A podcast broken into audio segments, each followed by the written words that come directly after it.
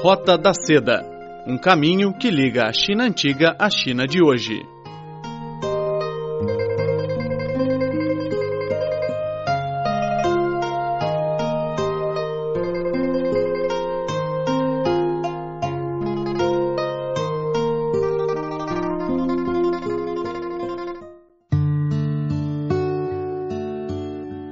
Olá, amigos, sejam muito bem-vindos ao Roda da Seda. Sou a Silvia Jean. Eu sou a Catarina Camboias.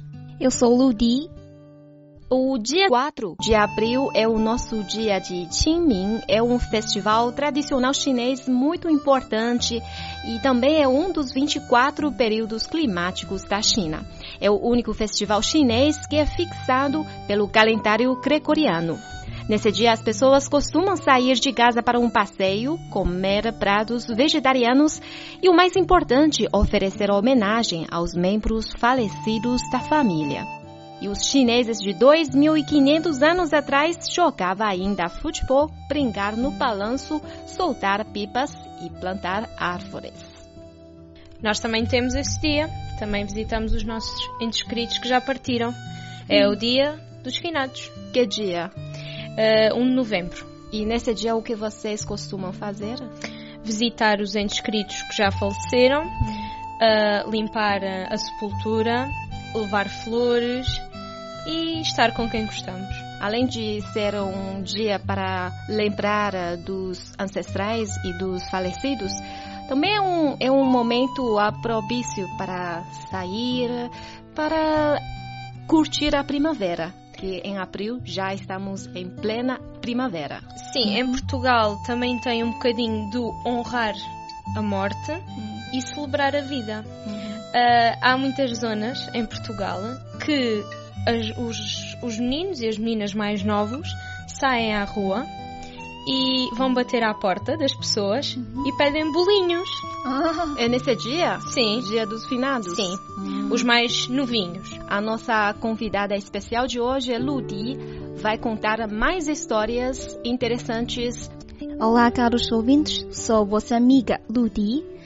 Hoje vou apresentar sobre o dia de Qingming, Qingming-Jie.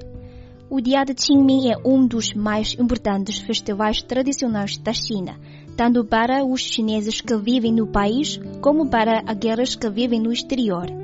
O Qingming, que ocorre anualmente no dia de 5 de abril, faz parte destes importantes festivais. A data é sempre comemorada com certa tristeza e saudade para com os entes queridos falecidos. De facto, é o dia de finados da China, como a Catarina já disse. E como a Silvia diz Qingming é um dos 24 períodos climáticos que dividem o ano agrícola chinês pelo calendário lunar. A tradução literal deste período seria a claridade pura. De entre os 24 períodos climáticos tradicionais do calendário lunar chinês, apenas o dia de Qingming é um festival nacional.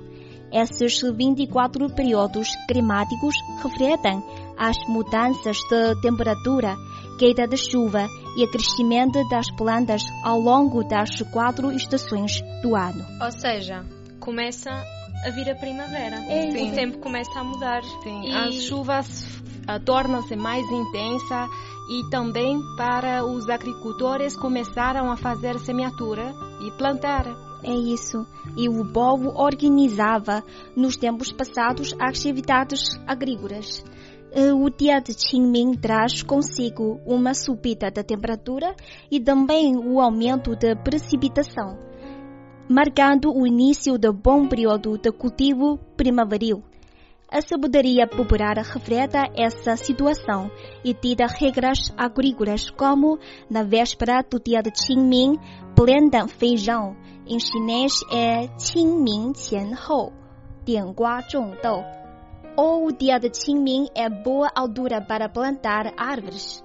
O período climático está estreita e diretamente relacionados com a produção agrícola. Ou seja, este dia relaciona-se com quem já partiu, quem já faleceu. Uhum. É um início para as pessoas da primavera, entre aspas, e é muito importante na parte agrícola. É um marco, um calendário. É certo. Agora é, é o Festival Nacional e temos um dia de folga por causa disso. Muito bem. É isso. Também temos uh, os versos antigos, escrito por Tu Mu, o famoso poeta chinês do século VI. Então vamos ouvir um poema sobre esta data. Vamos. Chove sempre durante o período de Qingming. As pessoas, a caminho, vão com o coração que chora. Perguntar onde fica a taberna. E o menino pastor indica a aldeia de Xinhua. Esta ideia do coração que chora também tem a ver com, com, com- com o facto de ser um dia direcionado para aqueles que, que já não estão connosco. Sim, normalmente no dia de Qingming chove. Então esse clima aumenta aqueles que com o coração quebrado, ele sente-se mais pelos que já faleceram Saudades. na família. Sim. Isso. Uh, Estes poemas descrevem o ambiente e o sentimento naquele dia de Qingming, uh, como o coração que chora. E também os chineses têm o costume de comer pratos frios e passear pelo campo. No entanto, no tempo das dinastias Qin e Han, prestar homenagem aos antepassados era uma importante atividade cerimonial da cultura chinesa. Ah, neste dia, porque é que se costuma comer pratos frios? De fato, eram dois festivais: o Festival de Hanshi, comida fria, e o Festival de Qingming. Como o Festival de comida fria antecipa um ou dois dias do Festival de Qingming, os chineses juntaram os dois festivais. E sobre esse Festival de comida fria, a Luri tem Bom. uma história. É isso. Conta. Ah, ok. Eu vou explicar detalhadamente. É precisamente essa tradição que se encontrava no Festival de Hanshi, eh, ou seja, comida fria, que ocorre na véspera do dia de Qingming, segundo a lenda, enlutado pela morte de Jie Zitui. O rei Jin Wei Gong criou o Festival de Hanshi no vigésimo ano de rei- reinado do imperador Xuanzong da dinastia Tang, o imperador terminou o Hanshi com o dia de prestar homenagem aos antepassados.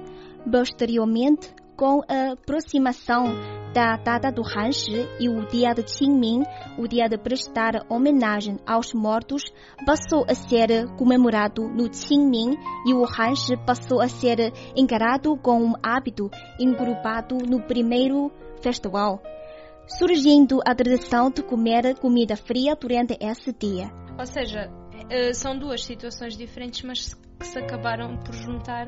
Sim, por ser faz parte, um faz parte do outro Sim, festival. está relacionado. Mas sobre esse festival Hanshi tem uma lenda triste, mas o nosso colega Felipe vai contar detalhadamente depois no bloco Contos Lendas da China. Temos que ouvir. Sobre a visita aos eh, cemitérios dos revolucionários, é que essa também é uma tradição depois da fundação da República Popular da China, porque passamos por eh, guerras de resistência à invasão japonesa e também uma guerra civil antes da fundação da Nova China. Então, muitos chineses, soldados jovens, sacrificaram a vida pela, Pelas... pela pátria. É. Então, o governo decidiu que no dia de Qingming, os alunos ou os cidadãos, eles podem oferecer homenagem, flores para aqueles heróis nacionais que morreram durante as guerras e para lembrar as pessoas a importância da paz. Uma curiosidade. Sim. Quando se visita os entes queridos aqui no cemitério, normalmente levamos o quê? Em Portugal é flores. Aqui, Mas eu sei que aqui é um bocadinho diferente. um, Acho um que é comida fria, é como um frango, Ah. como alguma roxa, E como... fruta?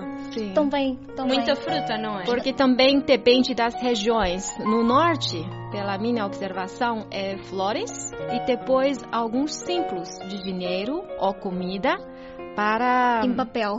Em papel para queimar na frente da sepultura, mas agora por uma questão de da proteção ambiental, as pessoas claro. já não queimam mais, só aqueles simples de hum. comida ou fruta. Eu sei porque a fruta aqui é muito recorrente. é isso. Sim. E também para o sul da China é mais ou menos como as pessoas fazem no norte. Para para o sul também tem alguns uh, bolinhas na minha terra natal tem alguns bolinhos especiais para dar uh, homenagem aos antepassados. Como se chamam? Uh, facao. É, é, é, é, um tipo de doce, mas uh, só uh, apareceram uh, naquele dia. Muito diferente. sim, sim. É a cultura. É. Então, nesse dia de Qingming, é para as pessoas lembrar os que faleceram para valorizar ainda mais a nossa vida, o presente. Muito obrigada pela participação especial da nossa Catarina e de Ludi. É um prazer.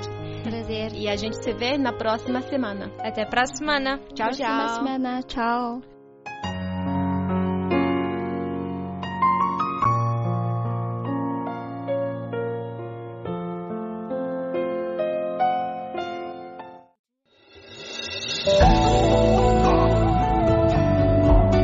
Fábulas e lendas da China.